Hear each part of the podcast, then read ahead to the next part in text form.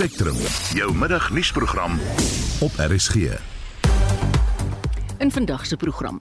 Die Landbank ontken aantuigings dat hy boelietaktiek gebruik teen kliënte wat nie hulle lenings terugbetaal nie.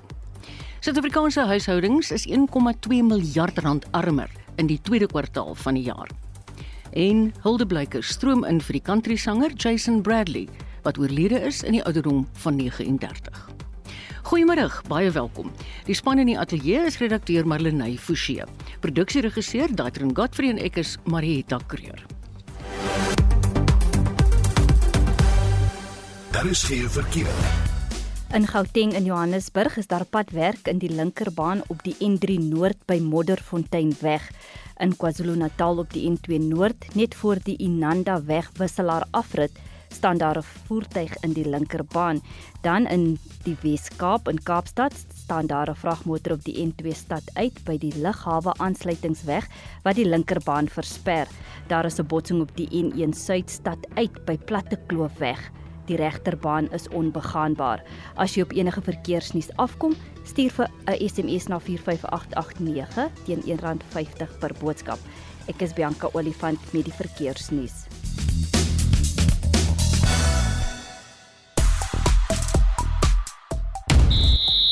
Die vroue boksspan berei voor vir hulle tweede toets teen Spanje.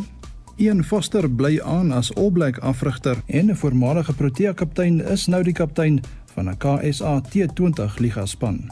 Ek is Shaun Justin is later terug met meer inligting. In sosiale media is die hitsmerk Stage 2 baie gewild met 32000 tweets. Fase 2 beerkrag sal vandag en môre vanaf 4uur in die middag tot middernag geïmplementeer word. Spectrum, jou middagnuusprogram op RSG. Op ek op 6 minute oor 12, welkom terug.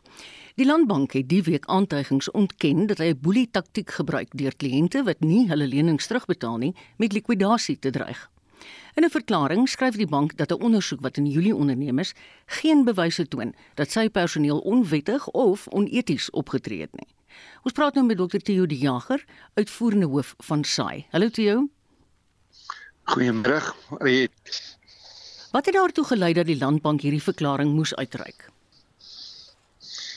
Honderde boere van oor die hele land het by ons begin kla dat hulle uitgeskit word, dat hulle gelikwideer word omdat hulle regtig 'n geleentheid het om te kyk of hulle op 'n manier finansiering kan kry en um, of selfs hulle oeste kan afhaal waarmee hulle die landbank sou kon betaal het. En ons het agtergekom dat die die brute omvang hiervan eintlik half on, onbegryplik is. In nader ondersoek wys dat ons vlaag van likwidasies van boere waarvan baie dit eenvoudig nie sien kom het deel daarvan kom uit landbank en daar nou ander instellings ook wat besig is om die boere te likwideer gewoonlik deur dieselfde span van prokureurs, likwidateurs, afslaers en dies meer maar die oorgrootste meerderheid daarvan is is deur landbank. En en en ons het die data begin versamel, ons het daai boere begin organiseer om te kyk wat agter dit lê en dit is vir ons baie duidelik dat hier nie normale gang van skuld en en nie maar dat hulle Theo, ekskuus, kan ek jou in die rede val asseblief? Ons het probleme met hierdie spesifieke koneksie na jou toe. So wees so goed en dan kan jy aflei en dan gaan ons jou weer probeer bel. Want hierdie is baie belangrik wat jy nou sê. Ek weet die laaste tyd in die gedrukte media het een boer gesê hy die landbank 4 miljoen geskuld en hy was so iets soos ek praat onder korreksie 14 of 18 miljoen sterk. En toe uiteindelik het hy hom gelikwideer en hy's letterlik al sy geld kwyt. So ek dink nogal dis belangrik dat die luisteraars presies hoor wat Theo hier oor sê want ek weet sy het ondersoek ingestel. Jy kan later vandag ook nog luister na verskillende interessante goeters wat in die politiek gebeur in ons program en ons het ook daai groot storie van die openbare beskermer se versoek dat Cyril Ramaphosa gedwing word om te verskyn wat toe van die hand gewys is. So ek dink jy gaan geïnteresseerd wees in wat ons vandag het. Ons het blykbaar weer vir Theo op die lyn. Hallo Theo, is jy daar? Marita, ek is ja. O, dis fantasties. Nou hoor ek jou baie lekker. Ekskuus oor die vorige uh, verbinding wat nou regtig nie baie goed was nie. Jy, jy was laas, jy het ondersoek ingestel en toe kom jy wat agter? ons het agtergekom dat die dat dat hierdie verskynsel baie groter is as as as wat ons aanvanklik uh, geskat het en uh, on, ons het begin om druk toe te pas um, op die landbank om om onder andere vir ons die data te gee. Ons wil weet hoeveel mense word op die oomblik uitgedop, waarom daar nie 'n geleentheid is vir hulle om net skuld te herstruktureer nie veral in die Karoo omgewing waar ons uit die mees knellende droogte in mense jeugnis kom, maar nou verlede jaar goeie reën gehad het so 'n boer het nou juist die geleentheid om hom uit die skuld uit te boer. En ons het ons het ook die hof genader om vir ons te help om inligting van landbank te kry wat ons tot vandag toe nou nou nog nie gekry het nie. En en, en dit is ook waar uit hierdie reaksie van landbank gekom het wat hy sê hy het 'n ondersoek geloods en en hy kon niks verkeerd vind nie. Maar as daar nie nou, empiriese bewys is nie, hoekom moet ons dit glo? Want die, die die feit dat hy die ondersoek gedoen het en sê dit is daar was niks verkeerd aan die agent en hy het hom eintlik waarby oopgemaak om self aanspreeklik gehou te word vir wat op die plase gebeur want die die brutaliteit, die tuistering, ja. ehm ja. um, selfs teenoor kinders. En dis dis regtig trane trekkers wat wat um, ons hoor van die van die boere se kant af. En dan sê die bank ook in daai media verklaring dat hulle het 'n meganisme waardeur hulle eers probeer om vir 'n boer te help. Maar ons kry dit nie uit die stories van die boere uit nie die die die boere sê my oes was op die lande. Ek sou volgende week begin oes om die landbank te kan terugbetaal. Hmm. dan word ek ge, gesekwestreer. Daar word daar word toegeslaan voordat ek my oes kon afhaal en dan vat hulle nog die oes ook. Vermoed jy suurlemoensap? Ja en en, en en soos ek sê as dit nou een of twee gevalle was kon 'n mens gesê het maar dit gebeur die hele tyd in die proses van finansiering en skuldinvordering. Maar ons praat van honderde boere wat hierby betrokke is Daar's ook beweringe dat die bank boere se grond letterlik wil wegraap van hulle. Steek daar waarheid in? Dit gaan nie net oor die gronde nie, nê. Nee. Dit gaan ook oor al hulle ander bates. Ons het nou vandag hier gepraat met 'n boer wat 'n uh, groot klomp vliegtye ook gehad het wat tientalle uh, voertuie en trekkers en dies meer ook gehad het en dan die oeste wat op die lande was. Dis 'n totale boedel wat gestroop ja. word en in hierdie geval is praat ons van 'n vierde generasie boer wat uit alles uitgeskit is. Is daar enige manier waarop die bank regmatig 'n boer se grond van hom mag vat? Ja, ja, nee, hy mag. Daar is 'n 'n leningsooreenkoms. Ehm um, jy sien, landboufinansiering is anders as gewone sakefinansiering omdat 'n mens so uitgelewer is ook aan die natuur, nê. Nee. Mm, ja. So 'n mens 'n mens kan laat wees met oeste as dit begin laat reën het as jy laat geplant het. 'n 'n mens kan 'n 'n vloed hê of jy kan 'n jy kon ryp gehad het En en en dan moet jy gou-gou 'n ander plan maak. Nou gewoonlik het die landbank 'n bietjie meer begrip gehad as die handelsbanke. Hulle was meer geduldig en hulle het meer simpatie gehad. En en dit is nie so moeilik vir 'n boer om homself uit die skuld uit te boer as hy net daai addisionele seisoen kon kry of nog 3 mm. maande kon kry nie. Mm. Ehm um, maar maar ehm um, en, en ons sien dit moet ek vir jou sê, ons het 'n hele klompie boere. Nou uit die kloue van daai likwidateurs kon red omdat daar sedert hierdie ding aan die lig gekom het 'n geweldige klomp alternatiewe finansiëerders tafel toe gekom het. Selfs kleiner finansiëerders wat gesê het, maar as ek kyk na hierdie boer se bate laste verhouding en ek kyk na die oeste wat hy op sy lande het, dan is die risiko eintlik baie min om hom te finansier daarvoor. Ja, want jy weet ek kan onthou die histories was dit eintlik 'n veilige hawe vir 'n landbouer. Nou dis hoekom Landbank in die lewe geroep is hier in 20, in, in 1914 al, nê, nee, mm. om 'n spesiaal 'n pasgemaakte voertuig te wees vir landboufinansiering. Maar dan het ons ook tot in 1994 nog die Landboukredietraad gehad. Mm, BKB. Hand aan hand geloop het met die Landbank. Ja. En saam met die departement en sy landboutegniese adviseurs was daar eintlik 'n driehoek wat baie stewig veranker was in die bedryf en in boerderygemeenskappe. Hulle het die boere geken. Mm. Hulle het geweet presies waar staan hulle met watter boer en wat is sy kapasiteit. Mm. En en en en 'n groot deel van daardie funksie is uiteindelik half oorgeneem deur die handelsbesighede of die voormalige koöperasies. Tot so onlangs, soos 2020, was die skuldboek van een van die grootste aanleners van die landbank een van die die groot koöperasies was minder as 1% gewees. Ja. Nou het dit opgeskiet na oor die 40% omdat Landbank eenvoudig daai skuldboek teruggeneem het Hulle het die landboubesighede uit die bestuur daarvan geskuif, maar hulle het nooit die kapasiteit geskep om die boere te dien nie. Hulle ken nie die boere nie en hulle hulle hulle het ook geen genade om daai maand of twee ekstra te wag vir 'n paaiement om betaal te word nie. Met die geringste geleentheid stamp hulle so 'n boer om. Toe. Baie dankie Theo. Dit was dokter Theo die Jager, uitvoerende hoof van SAI. Ons is op pad na kwart oor 12 toe. Die openbare beskermer se versoek om president Cyril Ramaphosa te dwing om voor die parlementêre komitee oor haar bevoegdheid te verskyn, is van die hand gewys. Die artikel 194 komitee het die besluit geneem op grond van regsadvies dat Busisiwe Mqwebane nie redes verskaf het waarom die president voor die komitee gedaag moet word nie. Bianca Olifant het meer. Advokaat Fatima Ibrahim van die Parlementêre Regsdienste kantoor sê die besluit is geneem omdat die openbare beskermer die president wil ondervra oor sake wat reeds afgehandel is. Sy sê hy is nie 'n klaar nie, word nie self ondersoek nie en dat kwessies om die CR17 veldtog breedvoerig in die publieke oog hanteer is.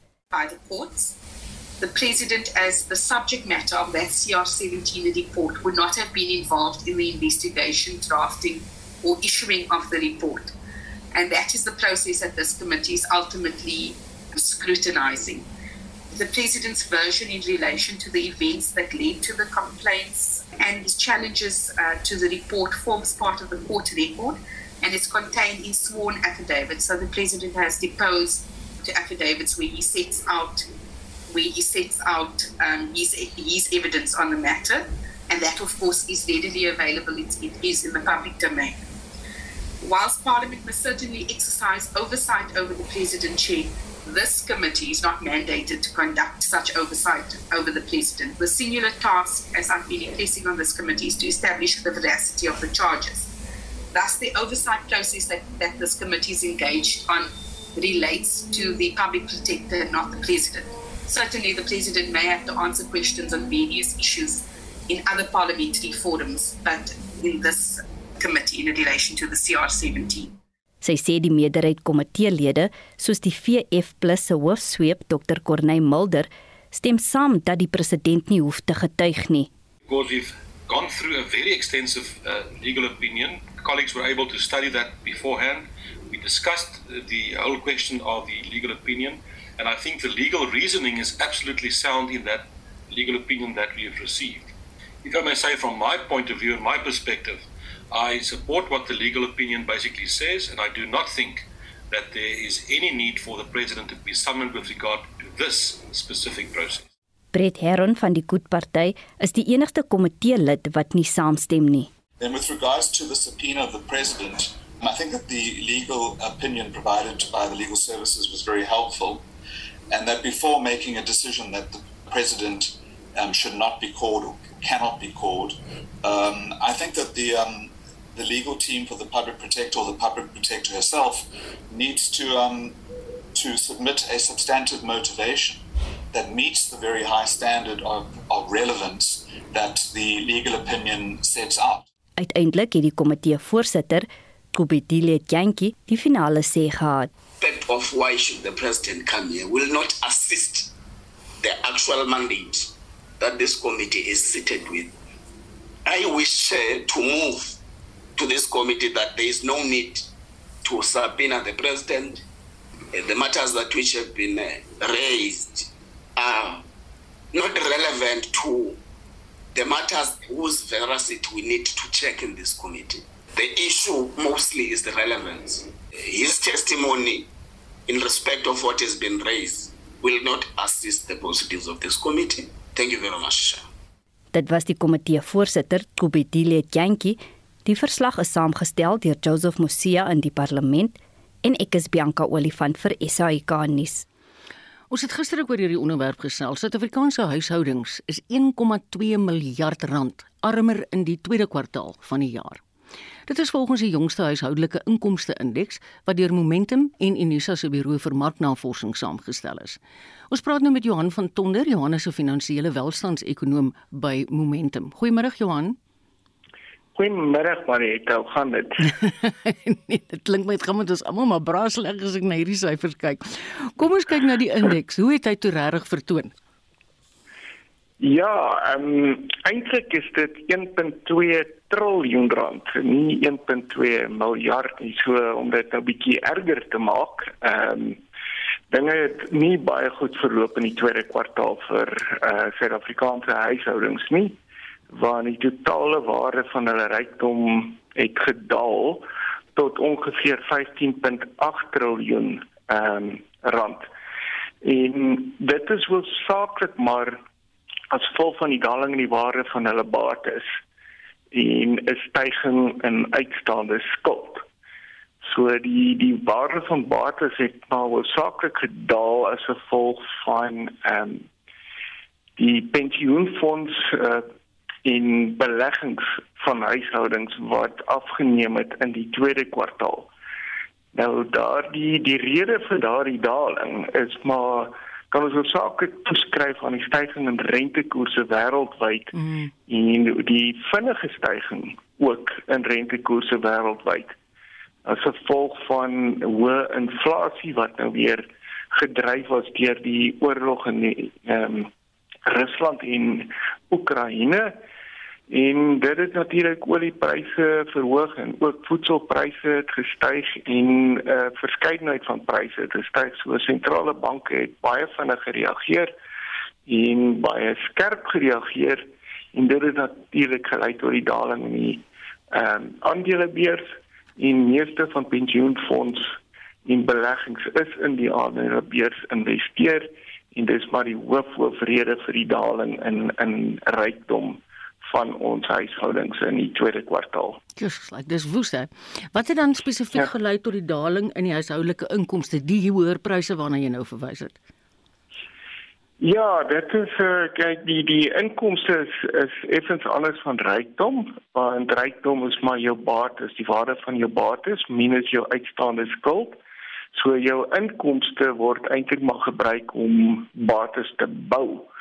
So Wat gebeur het ook in die tweede kwartaal? Ons het nie uh, skerp werkskepping gesien nie, so nie klomp mense het of uh, nie veel het mense wat werk gekry het om inkomste te verdien het nie. Hy's uh, toegeneem nie, so hulle kon nie daardie inkomste gebruik om hulle bates te bou nie, want een jy gebruik maar jou bates om af te tree eendag of ook om dit te gebruik as sekuriteit om 'n lening aan te gaan en so meer.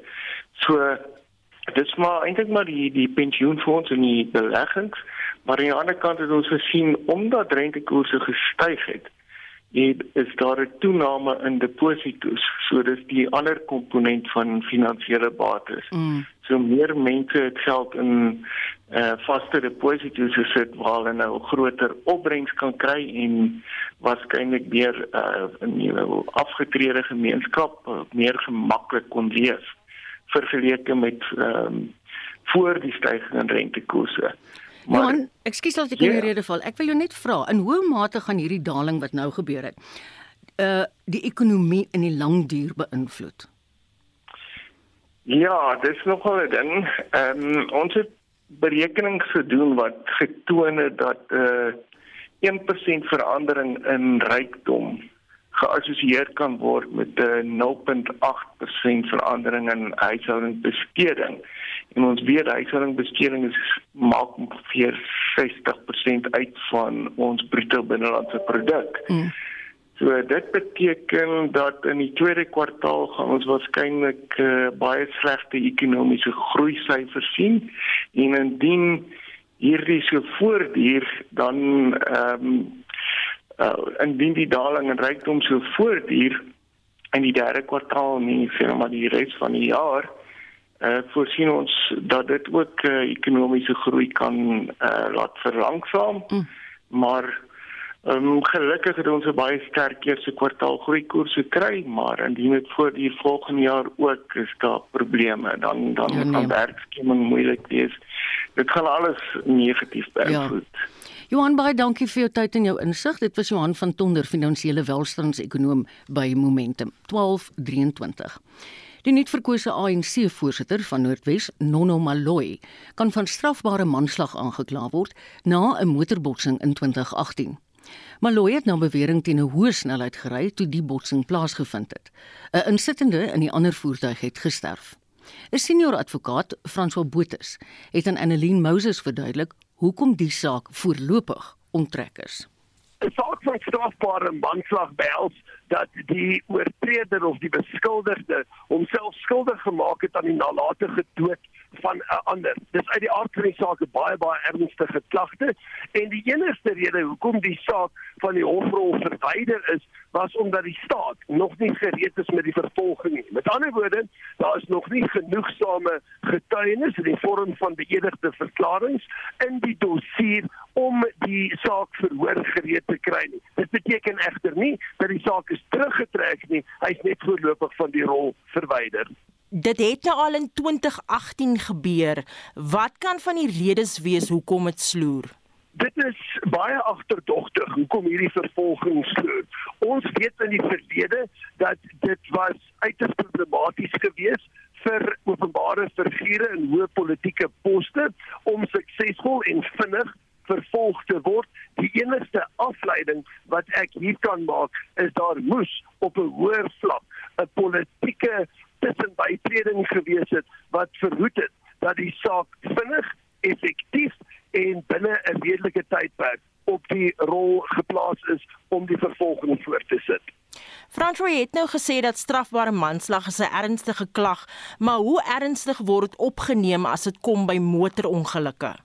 Uit die aard van die saak speel motorongelukke 'n baie baie belangrike rol in die ekonomiese omgewing waarin ons beweeg want dit kos Suid-Afrika letterlik miljarde rande in skade en produktiwiteit en inkomste wat verlore gaan.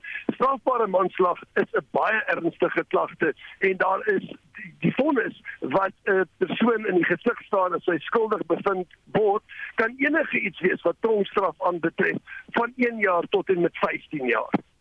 Wat dink jy van Maloy se vertoë dat die saak van die rol geskraap word? Die vertoë wat gerig is, is opportunisties in die sin dat daar is geen basis wat hy aanvoer hoekom die vervolging nie voortbehoort te gaan by ontstentenis van getuienis wat onder eed voor 'n hof aangebied moet word nie. Ek kry die indruk dat hierdie is 'n desperate poging van sy kant af om die staat op 'n premature basis te nader en te probeer oortuig om die vervolging teen hom te staak het hy 'n wesenlike kans op sukses want as dit nie slaag nie kan hy sy politieke posisie kwyt wees. Dit is baie duidelik dat hierdie 'n geveg vir politieke oorlewing is.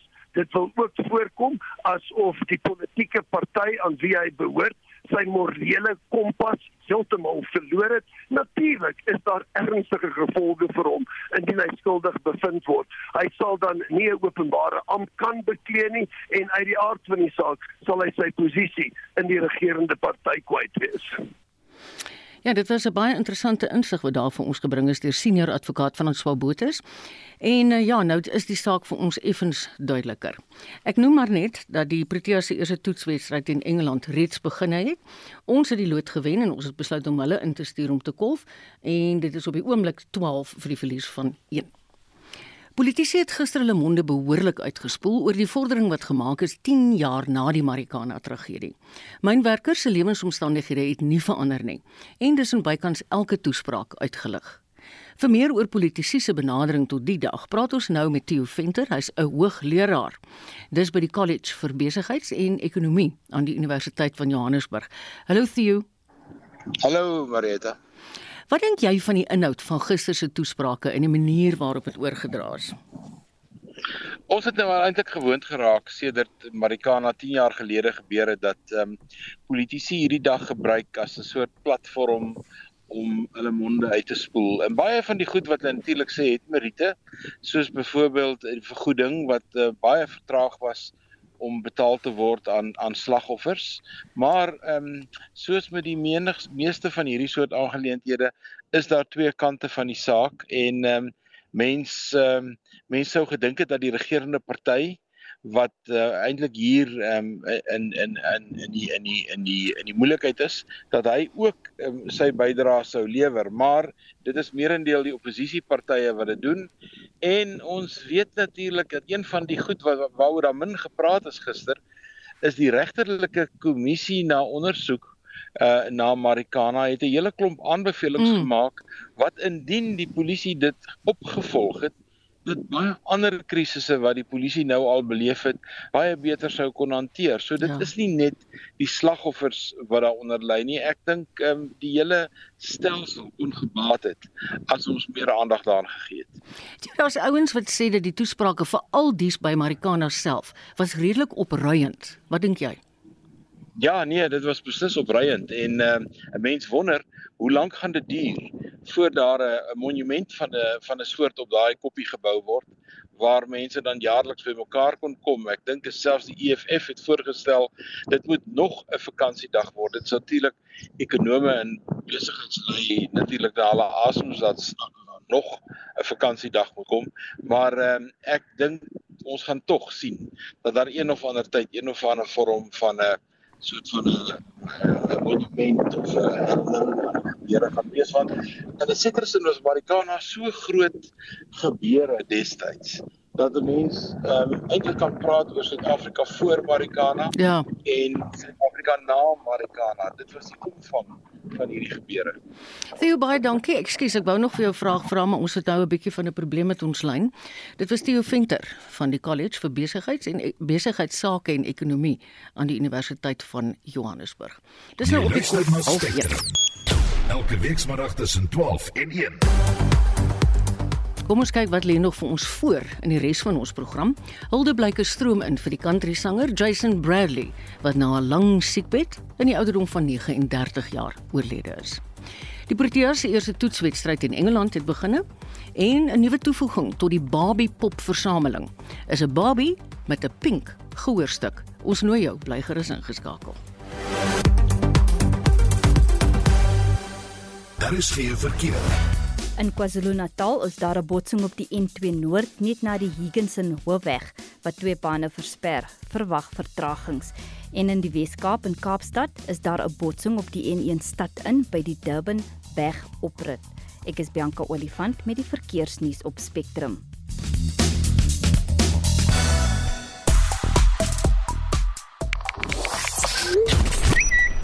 Die hitsmerk Liverpool trek baie aandag met 143000 tweets. Dit handel oor Manchester United aanhangers wat beplan om teen die Glazers te betoog voor Maandag die 22ste Augustus se Premier Liga kragmeting met artsvyand Liverpool.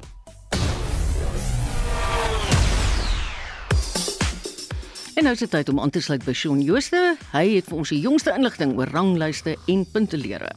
Na oorwinning van 44-5 teen Spanje in die eerste toets, berei die vroue boksspan nou voor vir die tweede toets wat Vrydag by die Fanie de Tooi Stadium in Potchefstroom plaasvind.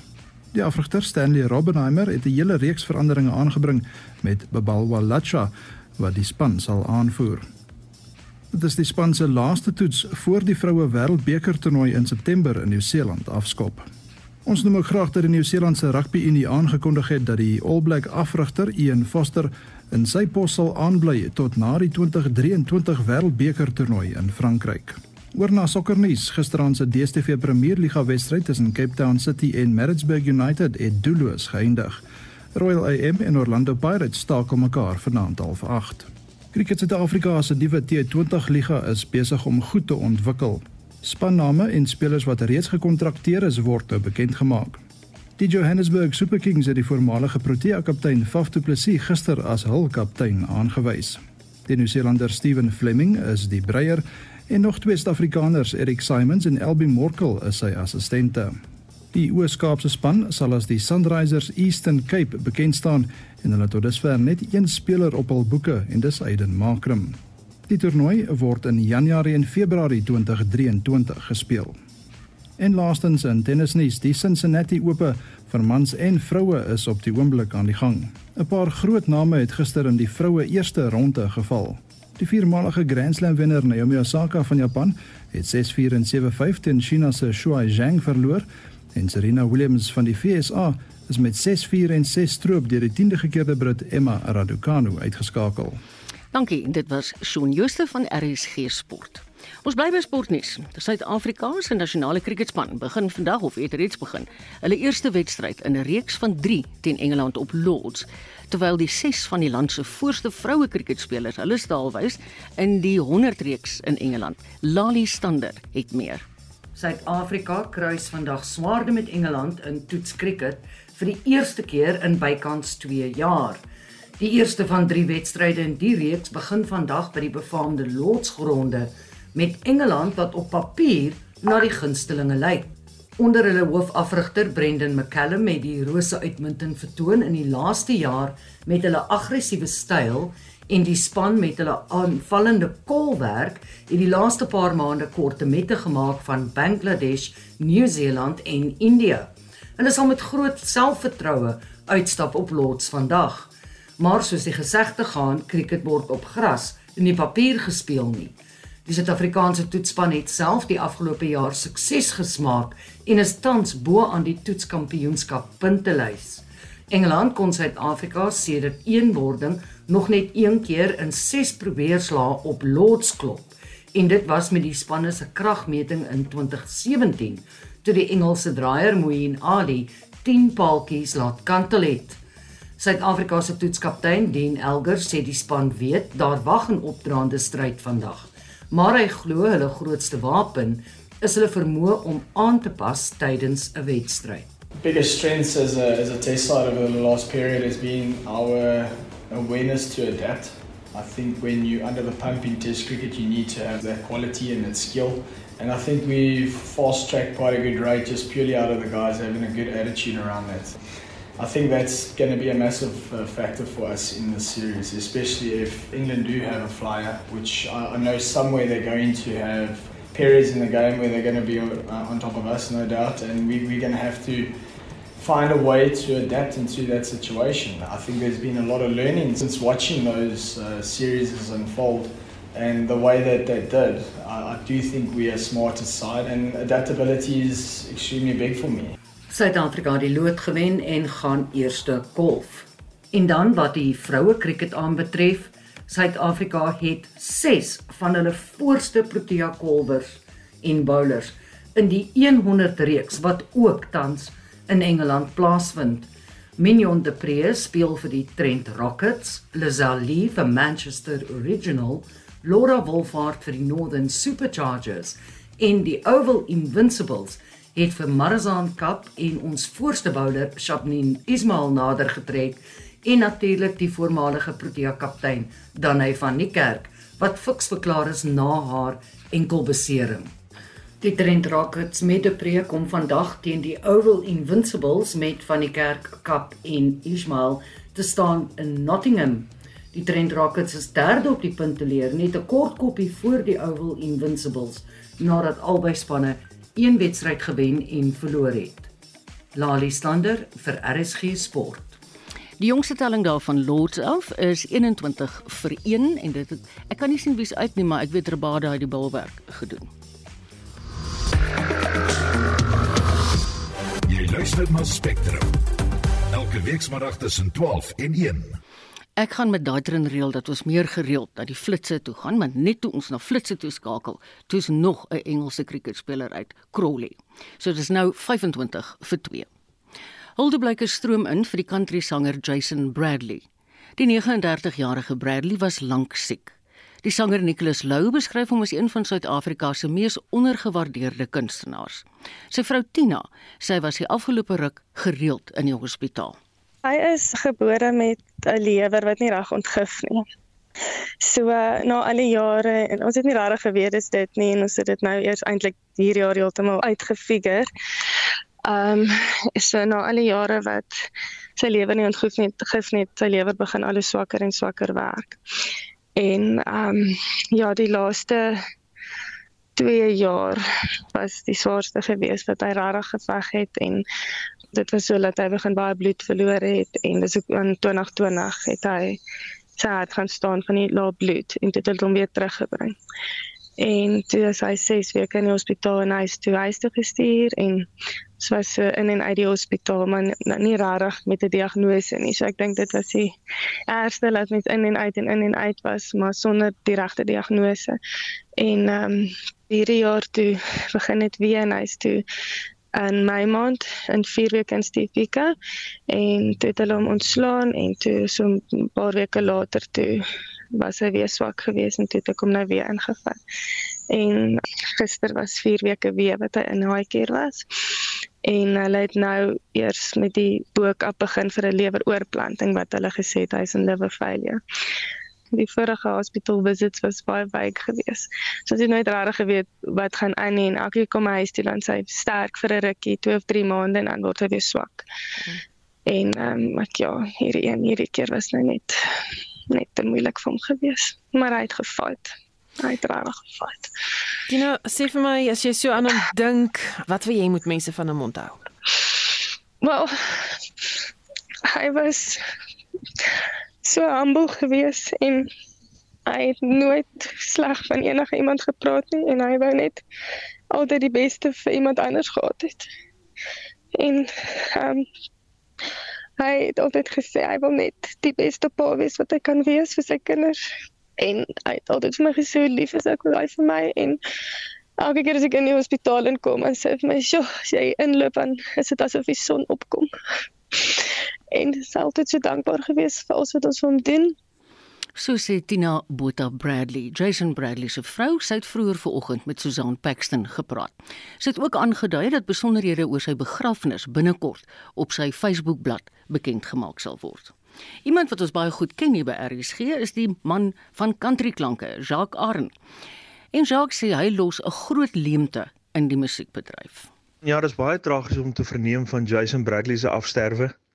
Ek dink dis 'n groot leemte wat hy gaan los in die Suid-Afrikaanse musiek, veral country musiekbedryf eh, en dan ook wêreldwyd. Hy was baie geliefd onder ons luisteraars en ek het gereeld van Jason Bradley se country musiek gespeel op die RSG Country Klanke program. En as ek so lees op Facebook en ek sien hoe word daar hulde gebring aan hom, dan besef ek dat hy 'n groot impak gehad op baie baie country sangers se lewens. Dis 'n groot terugslag vir die country musiekbedryf veral vir ons in Suid-Afrika omdat ons daai volgende generasie country sangers moet deurbring. En hy was nog redelik jonk geweest en dit gaan definitief 'n leemte los in die country musiekbedryf veral hier in Suid-Afrika. So ek wil vir Tina en sy familie en sy kinders en vriende en mede-sangers sterkte toewens in hierdie moeilike tyd maar ten minste weet ons dat Jason Bradley se musiek sal voortleef. Rustig, Jason. Sis tog dis die Suid-Afrikaanse country sanger wat gister oorlede is, Jason Bradley met sy Dirt Road. Nou sê ek baie dankie aan Jacques Arn vir sy herinnering aan hom. Die kommissie van die Nasionale Loteryraad, Tabang Mampane, kommissaris eerder, het maandag bedank Daar word beweer dat Mampane geld wat bestem was vir die herbouing van 'n skool, gebruik het om vir haarself 'n luukse huis op 'n landgoed by Hartbeespoortdam te koop.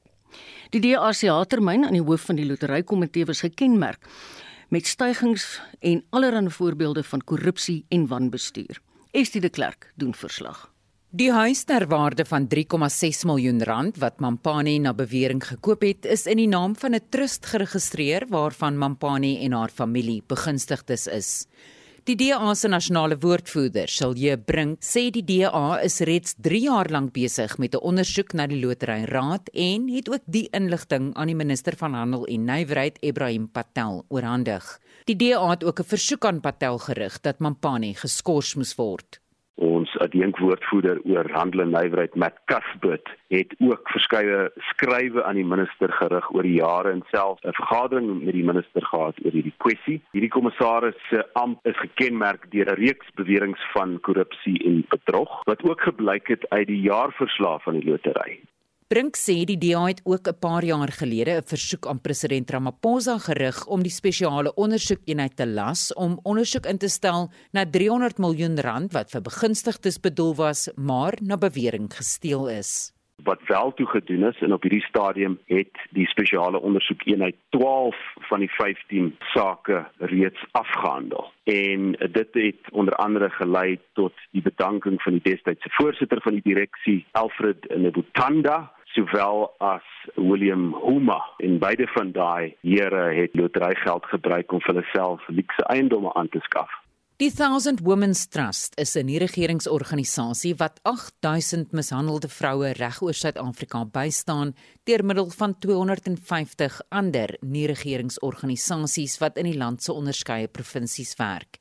Ten spyte hiervan sê die stigterslid Tina Tiaart, hulle het nog nooit geld van die Nasionale Lotery Raad ontvang nie. Ons doen elke jaar wel 'n aansoek. Ons gaan daar ons ontmoet met die mense. Elke jaar is daar 'n ander storie. Die probleem is hulle verstaan nie die belangrike werk wat 'n organisasie soos ons doen om gemeenskappe te bevorder nie, om daai mense die nodige kapasiteit te gee sodat hulle die werk kan doen nie.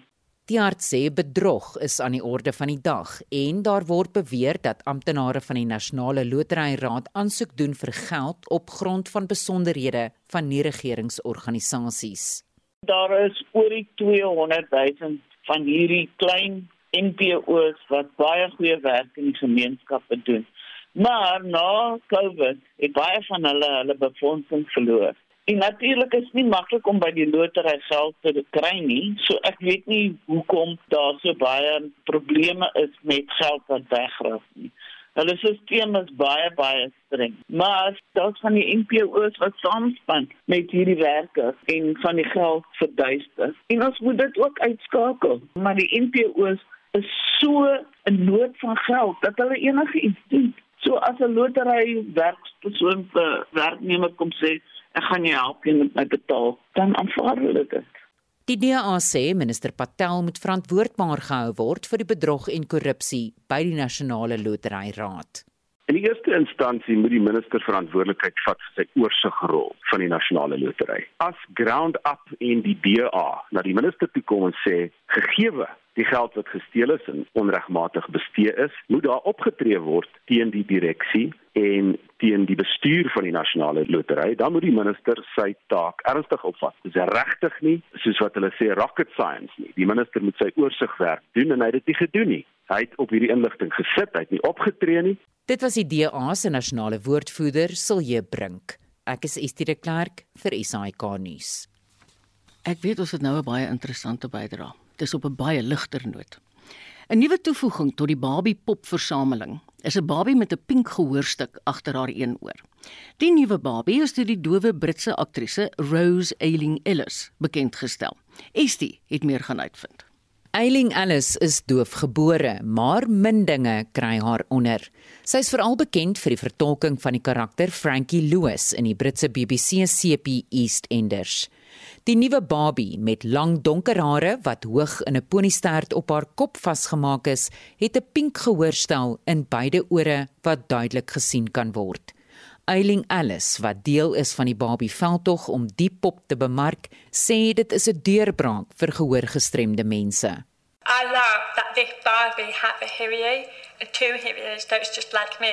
I'm here today to launch the birth of a Barbie with a hearing a doll, and that's so exciting. But it's not just a Hyrie, but also with other dolls that have diversity. I would love to have a Barbie like that when I was younger. In fact, I have a Barbie that I myself, I drew a Hyrie on my Barbie to represent myself.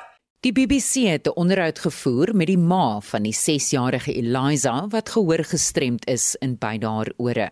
Net soos die nuwe Barbie, dra Eliza ook twee gehoorstukke en haar ma Lorenza sê dit beteken vir Eliza baie dat sy nou 'n pop het waarmee sy haar kan vereenselwig.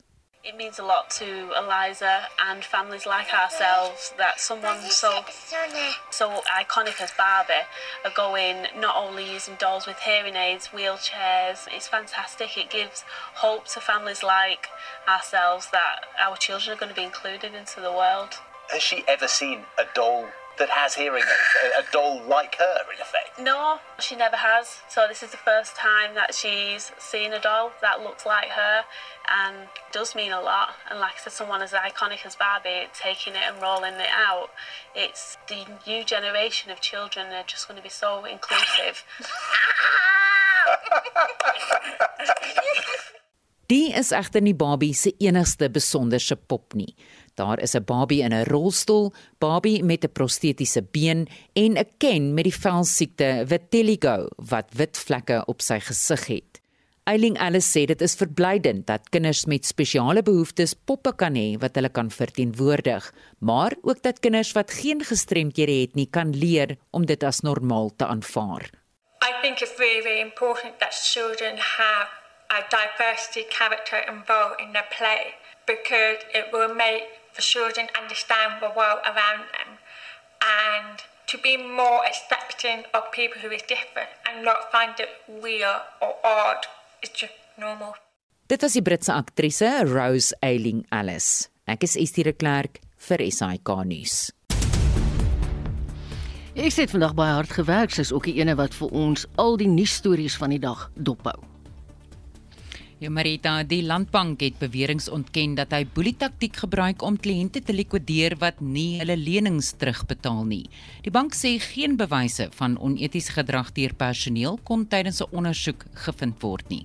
Hier is die uitvoerende hoof van SAI egter, Dr. Dudianger honderde boere van oor die hele land het by ons begin kla dat hulle uitgeskit word, dat hulle gelikwideer word omdat hulle regtig 'n geleentheid het om te kyk of hulle op 'n manier elfinansiering kan kry of selfs hulle oeste kan afhaal waarmee hulle die landbank sou kon betaal. En ons het agtergekom dat die brute omvang hiervan eintlik half onbegryplik is. In nader ondersoek wys ons vlaag van likwidasies van boere waarvan baie dit eenvoudig nie sien kom het. Suid-Afrikaanse huishoudings is 1,2 miljard rand armer in die tweede kwartaal van die jaar en dit is volgens die jongste verslag van Momentum en Unisa se Buro vir Marknavorsing. 'n Finansiële welstandsekonoom, Johan van Tonder, kyk na die redes hiervoor. Die groot rede daarvoor is omdat die waarde van hulle finansiële bates soos pensioenfonde en beleggings dramaties gedaal het. En die rede vir die daling is die stygende rentekoerse wêreldwyd wat weer vrese van 'n wêreldresessie aangewakker het. En selfs in Suid-Afrika het ons rentekoerse begin styg in reaksie op die hoër inflasie. Sommige dele van eThekwini Metro in KwaZulu-Natal het al vir langer as 4 maande geen water nie. Die Menseregte Kommissie ondersoek tans die saak en hou openbare sittings daaroor. Die DA se woordvoerder vir samewerkende regering en tradisionele sake in die provinsie, Martin Meyer, sê die munisipaliteit sê daar is hoofsaaklik twee redes vir die waterkrisis. Een is dat daar nou vir baie jare nie instandhouding gedoen word met die Queen and Paper nie. So Paper bly pas en daar's net nie geld om die Paper te vervang nie. Dit het nie toerusting nie en daarom kan water soms vir 'n week in sommige gebiede afwees.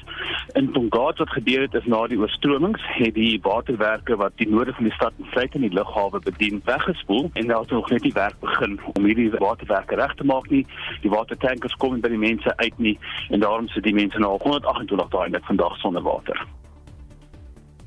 En Eskom het aangekondig fase 2 beerdkrag sal weer vanaf 4uur vanmiddag tot en met 12uur vanaand toegepas word en in brandpunt om kwart voor 6 vanmiddag berig ons oor die kleinhandelssyfers wat vanmiddag om 1uur bekend gemaak word. Baie dankie Estie, jy het nou vir ons 'n behoorlike oorsig van die dag se nuus gegee. Ek sien al reeds uit na kwart voor 6 se brandpunt. Dit was ons 'n groot plesier in die laaste uur saam met die luisteraars. Ons hoop julle sê dieselfde. Ek groet namens ons uitvoerende regisseur Nicoline de Wee. Vandag se redakteur is Marlenae Forsie en die produksieregisseur Daitrin Godfrey. Maar bly ingeskakel, 360 is om die draai.